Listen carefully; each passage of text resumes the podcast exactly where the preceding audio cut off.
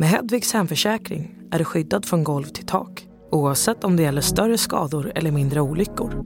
Digital försäkring med personlig service, smidig hjälp och alltid utan bindningstid. Skaffa Hedvig så hjälper vi dig att säga upp din gamla försäkring. Hedvig Hemförsäkring, ett klick bort. Du lyssnar på en podcast från Expressen. Ansvarig utgivare är Thomas Mattsson. Fler poddar hittar du på expressen.se podcast och på iTunes.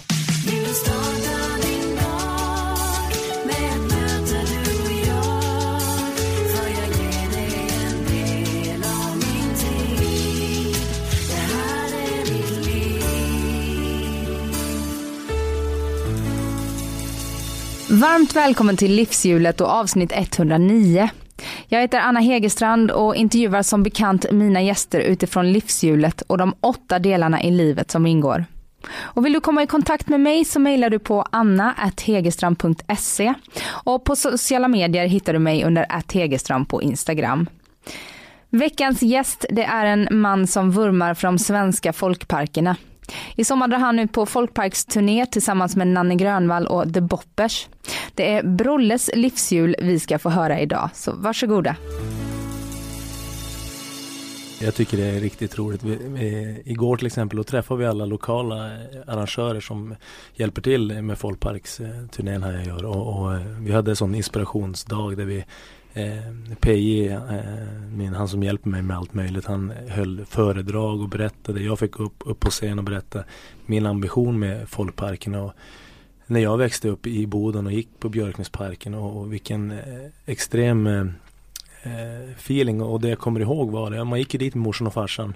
Syrrorna var med och, och den, eh, det var en folkfest och en Eh, Eh, ett, en kärlek kommer jag ihåg att det var. Att, och man kunde gå dit alla åldrar och, och eh, det var liksom inga konstigheter som det kan vara idag. Ibland är det så här, du vet stadsfestivaler och sånt. Du vet, då går de yngre till exempel på fredagen och de äldre på torsdagen. Och, eh, mer kategoriserat i folkparkerna. Kunde alla åldrar samlas och, och eh, det är någonstans det jag vill tillbaka till. Jag tycker det är jäkla skönt och det blir ofta riktigt bra stämning när, när man samlas olika åldrar.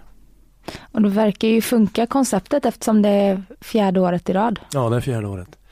2011 drog jag igång det och då gjorde vi första folkparkssvängen i, uppe i Norrland bara då.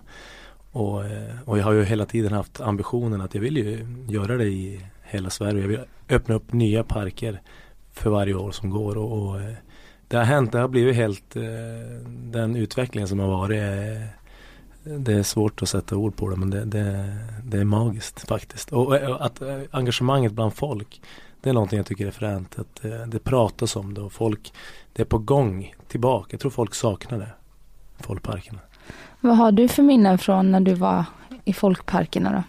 ja, som gör att du inte vill släppa dem? Nej men det är väl, jag tror det är dels det första jag kommer ihåg. Det var ju det att just det här med ålder, att man kunde gå dit. Jag, morsan och farsan och, och mina syrror det är det starkaste jag kommer ihåg. Sen eh, detaljer, jag kommer ihåg eh, Jerry Williams var ju också ofta uppe i Boden då där jag kommer ifrån. Och, eh, på dagarna spelade man minigolf och det var eh, tombola och chokladhjul och hela den biten. Och, och sen på kvällarna kom artisterna. Och det spelades musik från olika ställen i parken och det luktade liksom speciellt. Och varmkorv och hela den. Det var en så här skön idyll.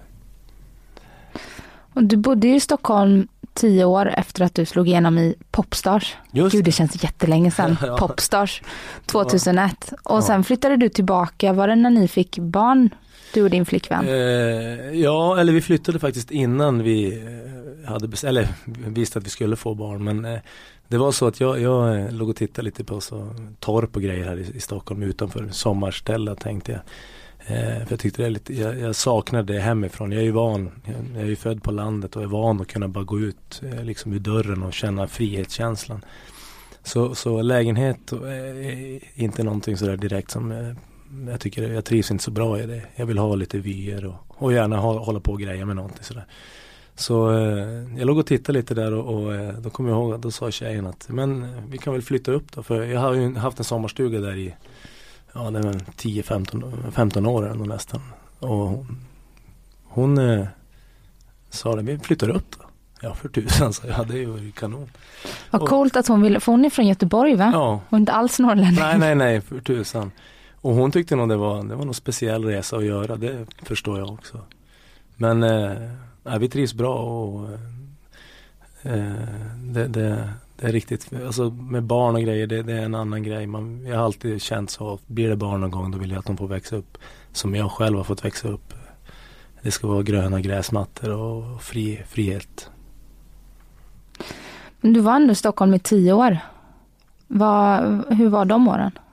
Ja, mycket lärorika och haft riktigt roligt. Jag lärde ju känna de flesta människorna som jag jobbar med än idag lärde jag känna då och hade inte kunnat göra det eh, hem, alltså, hemifrån hade jag inte kunnat göra det. Men det bestämde jag ganska tidigt att jag, jag, Stockholm, det är kul att flytta till Stockholm. Jag bodde ju i Kalix och pluggade där. Och jag menar Stockholm, det, det var riktigt roligt. Så. Det måste ju varit en chock. Ja det var en chock. Alltså. Jag brukar skoja om det ibland. Det var harpasset. Jag jagar ju på min fritid. Det var från harpasset till liksom popstjärna över en natt egentligen. Efter Popstars där. Det var Jag fick så mycket mail och det var helt hysteriskt faktiskt. Hur hanterade du det? För du var ganska ung va? Ja jag var 17 då. Mm. Ja det var ju Det var fränt men det var ju en omställning i livet att flytta hemifrån och eh, det, var, det var fränt. Det var det. Men, men som sagt jag bestämde mig tidigt att när jag kan och har möjlighet då flyttar jag tillbaka. Så jag var tvungen att åka ner och skaffa ett namn och, och träffa folk och, och kontakter och eh, så att eh, ja nu är jag tillbaka. Du, hade, du, du hade en plan med att vara i Stockholm? Du var inte helt Ja. planlös här nere? Det var Nej. ändå tio år tänker jag. Ja. Ja, var det så länge? ja, men jag skaffade ju sommarstugan vet du, ganska tidigt. Jag var nog 19 då. Eh, och då hade jag bott i Stockholm. Jag flyttade ju ner. Jag gick ju färdigt skolan i Kalix då. Eh, jag måste ha varit 18. Så ett, eh, ett år senare köpte jag ju en, en stuga ute på en ö. eh, Som min syrra hittade på, du vet, på lokala ICA. Så hängde hon upp en, hade man någon hängt upp en skylt där. Och hon sa, men du brorsan eh, det finns en stuga till sal här så att eh, Så den köpte jag och, och så då, jag åkte egentligen dit så fort jag hade en ledig stund över egentligen. Alltså. Så att eh, Man kan säga att jag jobbade i Stockholm och, och, och när jag var ledig så ville jag åka hem på något sätt. Och var det här i Stockholm då, för vi sitter ju i Stockholm nu här i Expressens poddstudio. Var det här du träffade Petra? Eh, precis. Mm. Eh, vi träffades på Lisa på torget. Oj, Mm. det var ganska fränt. du känns inte som en Östermalmskille. nej, nej, men eh, det är ett ganska trevligt ställe, eller väldigt trevligt. Mm. Nu är det faktiskt eh, stängt i fem år på grund av eh, renovering av Östermalmshallen, Mm. Saluhallen. Eh, men jag kommer ihåg i alla fall, det pratade vi om igår jag och kompisen att eh, jag kommer ihåg att jag, jag, jag hörde eh, någon som skrattade väldigt högt. Eh, Alltså på riktigt skratt, du vet inte blygsamt eller du vet man kan vara, det kan vara lite finare just i den delen av stadsdelen. Så, så att jag kommer ihåg, jag, jag gick igång på det alltså, när jag hörde hennes skratt. Så då, då gick jag fram och så, ja, resten var historia. Mm. Hur länge sedan är det nu? Ja, det är väl, grabben är fyra snart så fem år ungefär. Jag tänkte innan du träffade henne så hade ju du en omskriven relation med, med Elin Lanto. Mm. Bestämde du dig eh, för när du träffade Petra att, för det har inte skrivit så himla mycket om er och hon har inte synts så mycket i media. Nej. Var det ett medvetet? Ja, val? lite grann. Jag vet inte, kanske eh, Jag tycker att det är liksom mm, Jag tycker kanske att privat är privat på något vis sådär. Eh, Även med den förra relationen jag hade så hade vi också väldigt tydliga eh, tankar om det också. Men det är inte alltid det är så lätt att Och styra medierna? Nej, det är inte det. Och, och inte när man är två offentliga personer också så det blir in, intressant. Så, men eh, jag tycker det är privat är privat och, och jobb är jobb. Liksom. Kommer du ta med familjen nu? För din, din grabb han fyller fyra i oktober va? Mm. Li, Lia. ja. Mm. Vem är han döpt efter? Nej men jag, jag har alltid haft en ambition om om jag får ett barn och det blir en kille så är det Li. Jag tycker det är ett ballt namn och sen är jag vet inte Det är väl inte döpt efter någon speciell sådär. Jag gillar ju Jerry Lee Lewis till exempel. Och, men, Han tänkte nästan det. Ja det, det är lite det. Men, men det är inte så att eh, Li det betyder den, den, den starke på, på något konstigt språk, latin eller någonting. Jag vill kolla i efterhand men det stämmer. är han en starkare? Ja, han är det. Han är världens full av energi. 190. Och hur är du som pappa? Eh, ja men jag är nog ganska lekfull. Jag, jag tycker det, det, är viktigt. Eh, nu innan jag åkte ner och jobbade nu så får jag hämta honom lite tidigare på dagis. Och så åkte vi och handlade varsin sån här radiostyrd helikopter. och det var, vi hade så roligt han och jag, kom ju på mig själv hur jag blev exakt som ett barn. Liksom, vi, vi körde och han ville låna min och jag fick låna hans. Och, och, alltså vi var, vi är ju kompisar säger han till, till mig. Ja, vi är bästa kompisar liksom. Och det, ja, jag tror jag är en bra pappa på det viset att jag är ganska lekfull och glad. Så. Har du tydliga regler? Är du hård eller är du snäll? Nej men jag är nog, jag är nog snäll, snällare. Alltså det är klart man måste försöka sätta lite regler och sånt men det Jag tycker väl att han är, är lite liten än för att börja ställa för höga krav på så och, Men man, jag tror värderingar och, och sånt som man tänker på försöker man eh, överföra på sina barn. Men jag tycker man får vara ganska försiktig när de är så små. Hur var din egen uppväxt då? Ja, jag kommer ihåg det väldigt bra. Jag, som sagt, jag växte upp på landet och farsan och morsan hade bara massa djur, kor och tjurar och grisar och höns och allt möjligt. Eh, det var väldigt, eh, ja men typ Emil Lönneberga uppväxt typ, kommer jag ihåg. Och, och vi bodde ju på landet och jag hade ju några kilometer till närmsta kompis och där.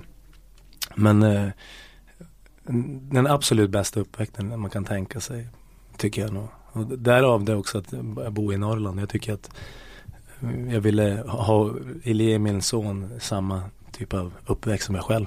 Mm. Så eh, ja, jag kommer bara ihåg det med, med, med eh, bra, bra smak. Mm. Och hur bor ni där uppe nu? Ni har ett hus? I en lappkåta. I en lappkåta, det var inte dåligt. mm.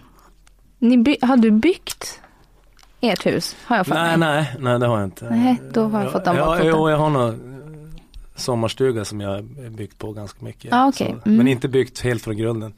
Det har jag inte, men eh, Nej men vi bor eh, Vi bor ju, jag har ju dels min sommarstuga då, så har jag ett studiokomplex som man säger. Där jag skriver allting och där jag spelar in det mesta jag gör. Och, eh, sen har vi ett hus inne närmare stan så att säga där vi bor ganska stora delar av året. Sen är man närmare ute... Skellefteå då? Ja, precis mm. närmare stan. Och sommarstugan ligger några mil norrut eh, mot KG och det hållet. Så att, eh, nej men jag trivs väldigt bra. Det, det. Sen är man ute på turné på somrarna och då bor vi i husbuss. Så att jag tycker det är viktigt att man, dels att man har med sig familjen, att det, det, det är viktigt. Och familjen kommer följa med i sommar? Ja, de är med. Mm. Tjejen hon hjälper mig att sälja skivor och merchandise, tröjor och, och allting. Och grabben är med. Var där och inspirera. Det låter väldigt idylliskt. Ja men det är det faktiskt. Det är väldigt eh, behagligt. Man mår gott så. Ja, kan du fokusera helt på, på jobbet när du har ja. en, en fyraåring eller tre och ett halvt år? jo men eh, ja, hon, eh, Petra tar ju väldigt mycket eh, hand om, om Li när vi är på turné sådär. Men han, alltså vi Både före och efter gig och, och hela, allting blir mycket roligare tycker jag när man kan ha med sig familjen och man gör någonting utav det.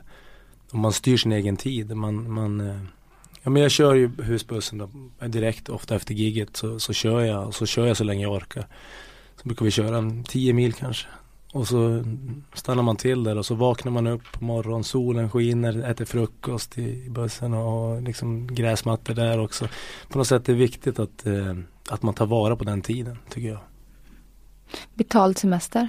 Ja, jag brukar säga det. Jag jobbar aldrig och har aldrig semester egentligen men det är samma sak där. Man får ta vara på, på stunderna. Så. Du låter väldigt, jag tror det kanske är norrländskan, men du låter väldigt så här mm. lugn och harmonisk och landad. Mm. Är du sån som person? Ja, det är jag nog faktiskt. Hur funkar det i din och Petras relation? Är du den lugna där då? Mm. Kan man verkligen säga. Eh, Göteborgare, de pratar ju mycket. Nej men det, jag tycker det, det är bra, man kompenserar varandra så det är bra. Mm. Jo men det är, så är det nog. Sen norrlänningar, det, alltså jo, man låter ju lugn. Det är ju så. När ni väntade Li, Mm. eller när ni fick reda på att ni skulle bli föräldrar, det var inte riktigt, riktigt planerat. Hur, eh, hur har liksom livet, hur har livet förändrats eh, för dig och ditt sätt att se på livet? Mm, ja, alltså från den stunden att vi bestämde oss att vi skulle eh, ja, köra, för eftersom det inte var planerat så hade vi som inte tänkt så mycket på det. Men, men från den stunden så hände det någonting i, i, i vår relation också. Och, eh, man, man får ju en helt annan, ett helt annat sätt att se på livet tycker jag. Framförallt när han väl kom liksom. Att man, Ja men allting, alltså man blir en bättre människa på ett skönt sätt och, och tiden blir, man får mindre tid för sig själv och det, ja jag tycker det är rätt skönt. Och man blir lite mer effektiv om, om till exempel jag skjutsar honom på dagis och så vet jag att klockan tre ska jag hämta honom. Då, då, då kör man på till, till dess och då kör man på ordentligt. Så att förut kanske man var mer, ja, eh, ofokuserad och inte lika eh, effektiv om man säger. I, I allmänhet, inte bara i studiesyfte utan att man tar vara på, på den tiden man har också själv och när man är tillsammans så gör man någonting bra av det. Mm. Hur tänker du kring fler barn då? Ja, jag vill gärna ha. Är du en sån som vill ha en stor familj? Eh, nej, inte, inte för stor. men, eh, nej, men absolut en, ett syskon vore kul tycker jag. Mm. Eh, jag är ju själv, jag har ju två äldre syrror men, men du, vissa, det är ganska stor åldersskillnad på, på mig och mina syskon. Och, nu är det kanon men, men kanske när man var jä- jätteliten så hade det kanske man hade, hade det varit kul att ha ett syskon. Hur På- stor åldersskillnad är det? Mm, Anneli hon är, och nu vågar jag knappt säga hon är, men jag tror hon är, jag tror hon är 46 Mm. och min andra syster som heter Annika hon är 48. Var du den här lilla sonen då som, som blev bortskämd? Ja, ja, ja, ja, helt och hållet. Alltså. Märks det på dig att du är ett typ av ensambarn? För det säger man ju nästan. Jo, jo, nej. Ja alltså frågar du min mamma så ja. men jag vet inte hur, hur ett ensam barn är men, men eh, det är klart, det, det, det är ju så säkert. Mm.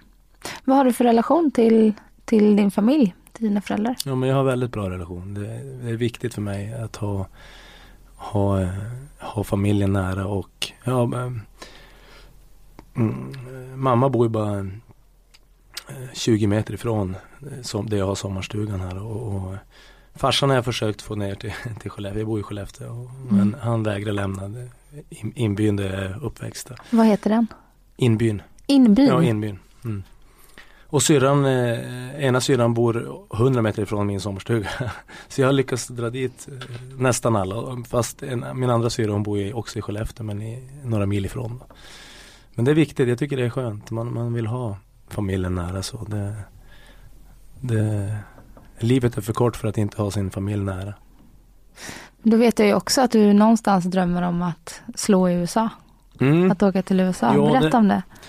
Det är väl en dröm som jag tror de flesta som håller på med musik och artisteri har väl en dröm. eh, Kanske inte specifikt om just USA men för min del eh, eftersom mina stora influenser är Johnny Cash och Elvis och, och Jerry Lee Lewis eh, är, för, är ifrån USA så den, den kulturen som finns i musiken där tycker jag väldigt mycket om och jag är väldigt ofta där och man får en sån extrem energiboost när man har varit där tycker jag. Människorna och hur de uppskattar musiken. De är lite mer livliga kanske än vi här hemma i Sverige sådär. Vi är så återhållsamma här. Ja lite och så är det. det, det, det Förutom på fyllan i folkparkerna kanske. exakt, där är det inte så. Det är därför du gillar det. Ja men det, det kanske ligger nog i det. Inte bara att man är på fyllan kanske men att man, man ger liksom. Och det, jag tror att det har att göra med den här känslan jag pratade om tidigare. Att det, det alla åldrar, alla är där av en anledning och det är att ha roligt och, och man vill ha ös och, ha roligt liksom. Och, och då kanske man kan ge jag vet inte, man, man har ju valt att gå dit och det är ju ofta någon mil ut till folkparkerna. Så man har liksom, man har eh, det, man, det är inte lika lättillgängligt som till exempel om de här festivaler och sånt som finns som man bara går utanför dörren. Här får man åka några mil och då, då känns det som att man eh, det kräver lite mer av en att ta sig dit och när man väl är där då är det all in. Liksom. Jag vet inte, det, ja, det är en väldigt bra publik. Jag trivs väldigt bra på, på folkparkscenen. Det är det verkligen. Alltså. Ser du USA då? Ser du eh, det hända i framtiden? Jobbar du för det eller är det bara en dröm? Eh, ja, jag jobbar väl inte helt hundra. Alltså, jag har ju aldrig släppt någonting annat än i Sverige. Så att, och, och eh, eh jag, jag har väl tänker väl att jag åker dit. Jag, jag, var i Los Angeles nu nyligen och gick in på lite ställen och lyssnade på musik där. Och lyckades träffa eh, faktiskt en kille som eh, kände en svensk som det var där också och han kände igen mig och han, han och hans mamma var stora fan av mig. Och, och det såg ju den här amerikanen och han tyckte det var, han alltså, bjöd ner mig att komma dit och spela så att eh, och det var på Viper Room faktiskt i, i Los Angeles där Johnny Depps ställe. Så det var lite ballt. Så att, eh, sådana grejer kan man göra men sen det krävs så mycket eh, en, du skulle behöva lägga ner väldigt mycket tid om man ens ska ha en chans att eh, kunna få göra någonting i USA. Det, så att vi får se. Nu hade jag skivbolagsmöte i torsdags eh, med ett stort skivbolag som har kontor i hela världen och, och där jag presenterade nya, nya grejer. Så att eh, vi får se vad som händer. Mm. Ja, jättespännande. Ja. Sen vet jag att du jobbar på en ny platta också. Så när, när du inte liksom så här, just den här tiden på året syns jättemycket i media, ja. när du ska ut på dina turnéer, då sitter du i studion? Ja, då är det studion. Mm. Precis, mm. i Skellefteå. Ja, där sitter jag ganska mycket, stor del av min tid eh, tillbringar jag i studion. Och, för att det, det, det, det är där jag måste, jag bygger ju vad, det jag ska göra på min turné sen och, och eh, jag måste ha nytt och fräscht. Eh, nya låtar och känna att man är på gång hela tiden. Och, och det är det som driver mig, låtskrivandet. Och, och, att, jag ser ju ofta när jag skriver låtarna att jag ser hur de eh, eh, Jag ser mig själv göra dem på scen. Och jag ser publiken. Jag tänker väldigt billigt eh, när, jag, när jag skriver musik.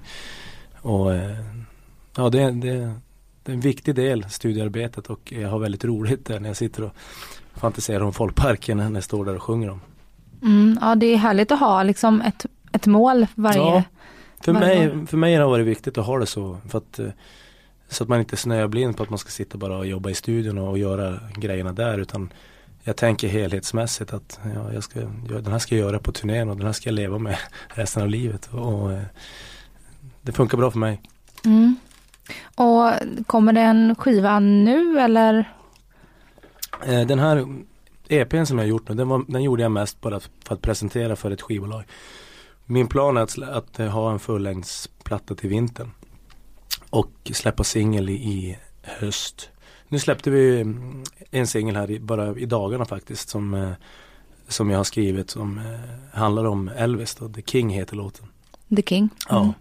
Och den gjorde jag, den, den gjorde jag också, fick jag med mig Boppers och Nanne och sjunga på den också så att Ja vad kul då. Så nu så är det hela sommaren är planerad med, med folkparksturnéer. Mm. Vad gör du när du inte skriver musik? När du liksom är, är ledig. Jag vet att du har ett stort jaktintresse. Mm. Och det var, skrevs som att du skulle bjuda in Zlatan till jakt. ja, exakt. Det var ganska roligt. Det var ju en kompis som heter Magnus Stråberg som hjälpte mig att sätta lite grejer. Mm, det är en gemensam vän till oss. ja, exakt. uh, ja, men jag satt och pratade mest för sko med, på skoj med en annan kompis och det hörde ju naturligtvis uh, herr Stråberg. Elefantöronen. exakt. Så han, då var det ju naturligtvis tyckte han det var roligt och det är roligt och det är väl en, absolut en dröm. Det vore kul om man kom.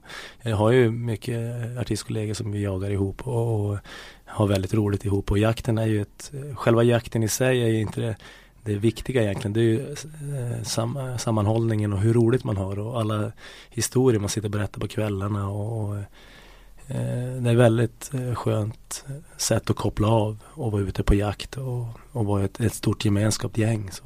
Vad jagar ni för någonting då? Ja, alltså jag jagar mest eh, fågel, alltså skogsfågel. För jag, när jag gick i skola i Kalix då köpte jag en eh, finsk spets då, som jag jagade med. Och det är en sån jakt som jag, jag gillar att jaga med hund, alltså ha ehm, eh, symbiosen, man jagar med en hund och man, det, det är så uråldrigt sätt att jaga på. Och det tycker jag, det är min favoritjakt. Sen så jagar jag det mesta, förutom älg jagar jag inte speciellt. Det är jag inte så förtjust i att sitta still så länge. Jag vill gärna gå och röra mig i skogen. Så. Ja. Men, ja, för älgjakt det kan ju ta liksom en hel dag innan. Ja, ja, ja det kan ta mycket längre så. Ibland man sitter flera, flera dagar utan att få se någonting. Ofta är det ju så. Och så får man inte prata eller? Nej, tyst. Fan vad tråkigt. Men det är ganska roligt. Vad gör man när man sitter där? För jag antar att du har jagat älg? Ja, ja absolut. Jo. Hur sysselsätter Nej, man men Man sig? sitter och funderar på lite allt möjligt och, och eh, det, nu när telefonen, man sitter ju och kollar Instagram och grejer. Alltså det, är liksom, det är klart man gör det. Det blir ju ganska många timmar på en pass om man säger.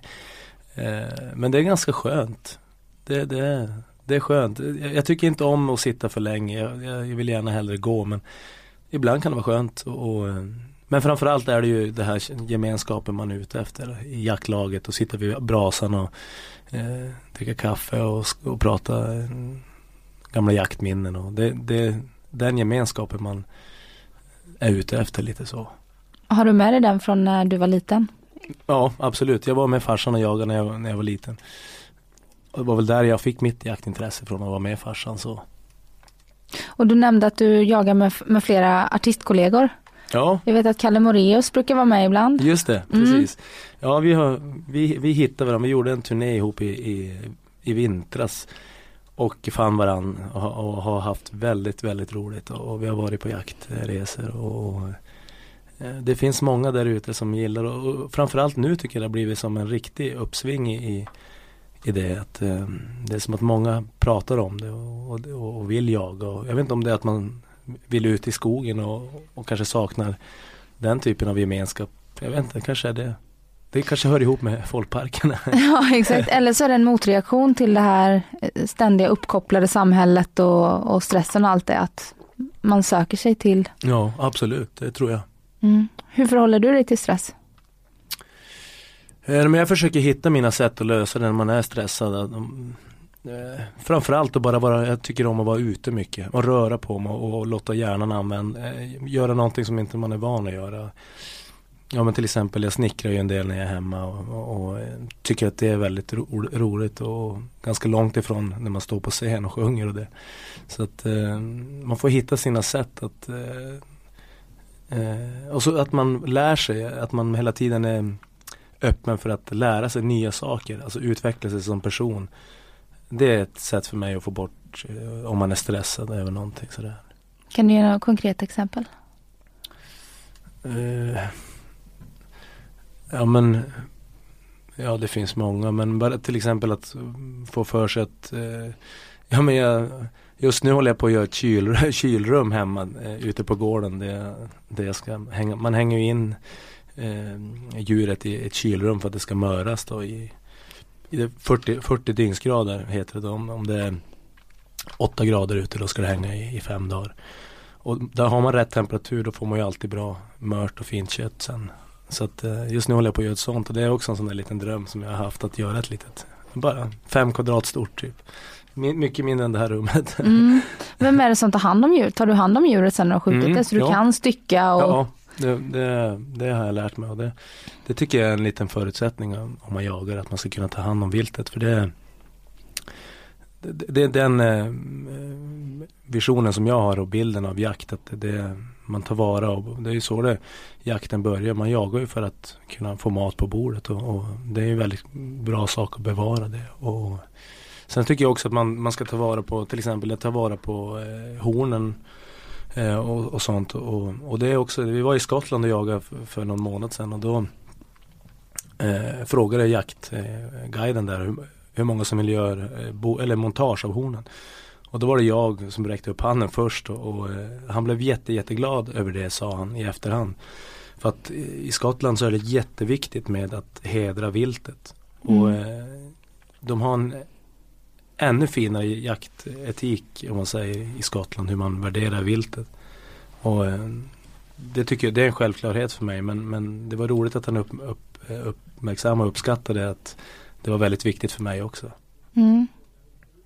Och när det kommer till tillagning och så, är det, Ja, är det Petra som lagar ja, mat hemma? Ja det är det, det är det verkligen. Och det tycker hon också är ganska roligt faktiskt. Mm. Så mm, jag skriver ju på påsarna vad det är för mat, eller vad det är för kött och, och så grejer hon på och kollar på i kokböcker och grejer. Och det, det är ju roligt om man kan dela det. För, det, för matlagningen, jag tycker det är kul också men jag tycker allt annat är roligare om man säger i, i det jaktliga. Mm. Och när det kommer till liksom övrig fördelning i hushållet och sånt, hur, är, hur eh, är det jämställt?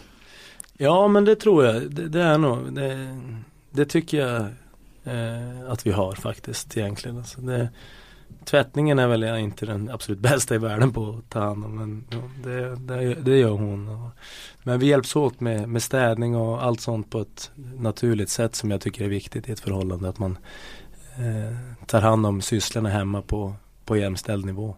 Mm. Det låter som att ni verkligen så här lever i värsta symbiosen där hemma och så här du jagar köttet och så kommer du hem och liksom hon står på trappan och tar emot det och lagar det. Eh, nu när hon har flyttat upp till, eh, till Norrland Mm. eh, och kanske eller och inte har eh, någon av sina gamla vänner och familj och allt sånt. Hur, eh, hur har det varit med era egna världar? Är ni noga med att ha att du har ditt liv och hon har sitt liv eller hur funkar det när den andra har flyttat Ja. så långt? Det, alltså, det är nästan svårt för mig att svara på egentligen men, men eh, hon Jag tror det här med att, att hon började plugga på annan ort och, och hittade ett intresse som hon verkligen Som det här med radio, det jag pratade om att hon är väldigt Hon går ju radiojournalistik och Mm.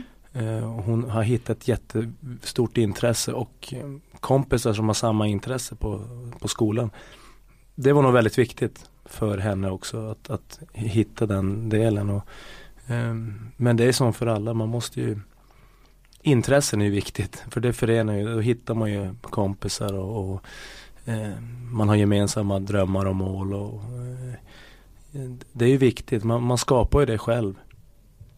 Jag kan ju försöka hjälpa henne på de sätten jag kan. Men man måste ha en egen eh, vilja att, att eh, lösa de bitarna. Nu när du står och ska ut och vara ganska aktiv på scen, du har suttit i- gömt i en studio hela året. Hur förbereder du dig rent fysiskt? Eh, Gör trän- du det? Ja det gör jag faktiskt. Jag tränar nästan extremt mycket och lite för mycket nu för nu har jag lyckats bryta foten här i badmintonmatch.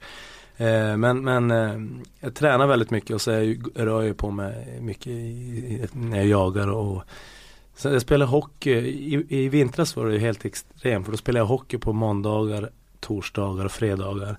Och så var det badminton och innebandy på onsdagar. Mm. Så det var fem dagar i veckan vi körde då. Och, eh, det, det är viktigt, alltså, det, det är ju en påfrestning att stå på scen. Du måste ju ha kondisen. Annars så orkar du ju inte. Det, det, och framförallt jag som gillar att röra mig ganska mycket på scen och vara ganska eh, energisk på scen om man säger. Eh, Det är väldigt viktigt att man inte, ja, du måste ha kondisen, så är det ju. Så att det, ja, jag tror det är en, ett sätt att, att förbereda sig fysiskt, det att hålla, träna och hålla sig i form. Ja, och jag undrar för du har premiär nu på fredag. Mm, nej, jag har premiär den 26 juni. Jaha, Ja, eh, nu på fredag gör jag ett gig i Torsby. just det, jag satt och gick igenom Ja. ditt spelschema. Men Ja, det är själv då utan, Nanna Boppers, Nanna ja, precis. Det är själv. Ja. Så att eh, 26 juni i Östervåla, då är premiären. men hur funkar det med, för du haltade ju rätt rejält här och hade hjälp med folk som bar kryckor och grejer. Hur funkar Ja. det? Ja men det, det ska gå bra.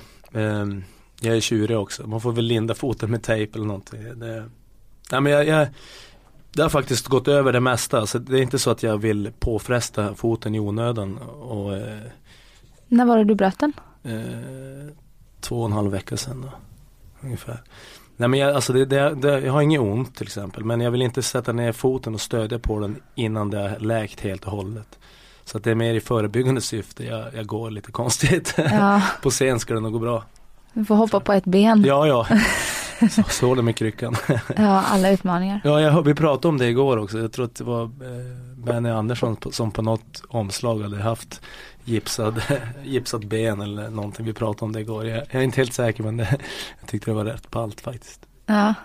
Du skulle hittat på någon lite ball historia som Ja. blir lite rock'n'roll kring Ja, det. jag- Inte badminton. Nej det är det jag menar, det är jättejobbigt att säga det men tyvärr så var det så. Vad hände? Trampade du snett eller? Ja jag hoppade, gjorde en sån, det var match och så hoppade jag och så skrev jag en sån superhjälte-smash som jag kallar det.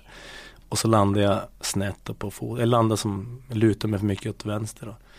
Och det sa ju knak och jag kände ju direkt att det hade gått av så att eh, det är en speciell känsla. Jag, och första gången i hela mitt liv som jag bryter någonting så att eh, det var, det var en, speciell upplevelse. Men eh, som sagt andra dagen då var det så att man knappt ville gå på toa så ont gjorde det. Och nu har jag egentligen nästan inget ont alls så att det har gått ganska bra.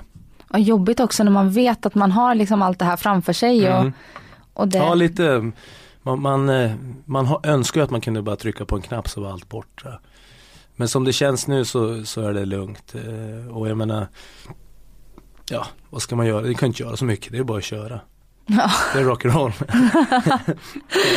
ja men vad bra då. Och nu så är du här i Stockholm. Hur länge har du varit här?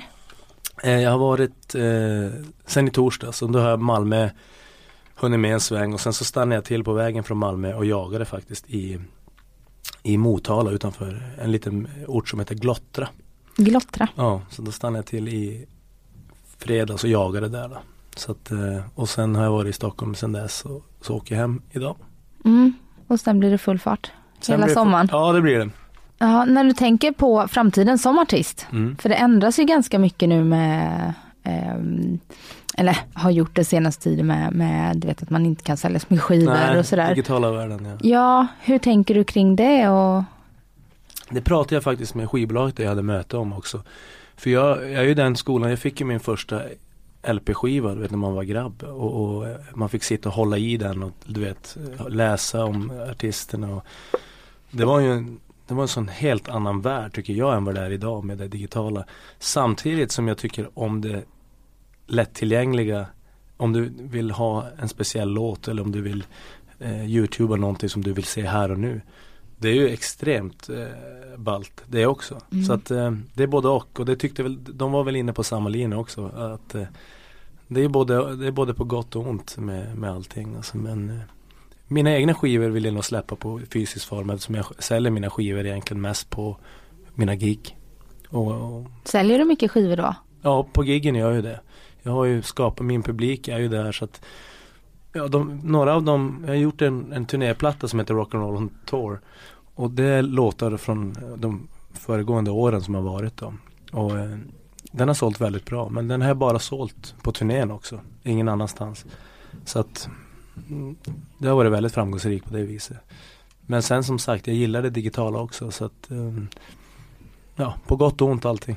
Mm. Har det påverkat, har du märkt av någonting liksom ekonomiskt? Att, Mm, ja, ja egentligen det, det som jag tycker man, för, för min egen del så, så har jag märkt av det ekonomiska av den anledningen att jag kom ur ett eh, förlagskontrakt som jag har haft väldigt länge. Som eh, det förlaget gick i konkurs och, och det var bara en, eh, såldes till Tyskland och det var en röra på det viset. Så att Stimpengar är någonting som man har börjat se nu faktiskt bara ett år sedan typ. Så att jag har svårt att jämföra med före och efter det digitala. Jag bara suttit fast i ett förlagskontrakt som inte var så roligt. Så. Nu är jag fri som en fågel. ja du har inget, eh, Jag har ett förlag idag men de hjälper mig ju på alla sätt och vis. Så att, eh, men man, nu får man ju se i alla fall eh, att det ger lite det man, ja, det man har skrivit. eh, förlag är inte samma sak som skivbolag. Nej, nej förlag är ju de som hjälper dig med eh, eh, upphovsrätten och, att de ser till att du får betalt för dina verk när de spelas. Eh, och hjälper dig med allt möjligt. Från att sätta ihop en, en co-writer, du ska få skriva med andra låtskrivare. Eh, och pappersbiten och, allt, eh, allt som vad det innebär. Skivbolaget är ju mer de som hjälper att spela in skivan egentligen. Mm, och släppa den. Ja, och så. släppa den och hjälpa dem med distributionen och det. Men jag har faktiskt gjort de eh, två senaste skivorna jag har gjort, har gjort eh, själv, alltså spelat in upp hos mig och bekostat allting själv. Och sen har jag eh, licensierat ut det till skivbolag som har hjälpt mig med att distribuera det då. Mm, det är en liten business med Det, dig. det är en business. Jag tycker det är jättekul också och det är många som gör så idag, startar egna skivbolag. Och jag, tror, jag tror på det faktiskt. Det, Det beror lite på hur mycket man har att göra. Som nu jag vet också att jag har väldigt mycket framför mig. Och jag kanske skulle vilja ha hjälp med det. Och bara fokusera på att göra färdigt låtarna och spela dem live. Så att därav eh, mötet med skivbolaget också där. Mm. Ja, vad spännande. Det är mycket på ja, gång. det är mycket på gång. Ja. Och vad roligt att du eh, ville ta dig tid för att komma hit och gästa mig. Tack så jättemycket. Det var väldigt trevligt. Ja, och lycka till nu i sommar och med foten och allting. Ja, det kommer att gå bra. Tack. Och om man vill uh, följa dig på sociala medier, Instagram Ja. till exempel? Då är det Brolle Wallmark eh, på Instagram och Facebook och Twitter tror jag. Alltihop samma. Och så turnén kan man följa på Rock'n'Roll on Tour eh, på Facebook och, och Instagram. Då. Mm. Tack så mycket och ha det så bra nu. Tack detsamma. Trevligt att få komma hit.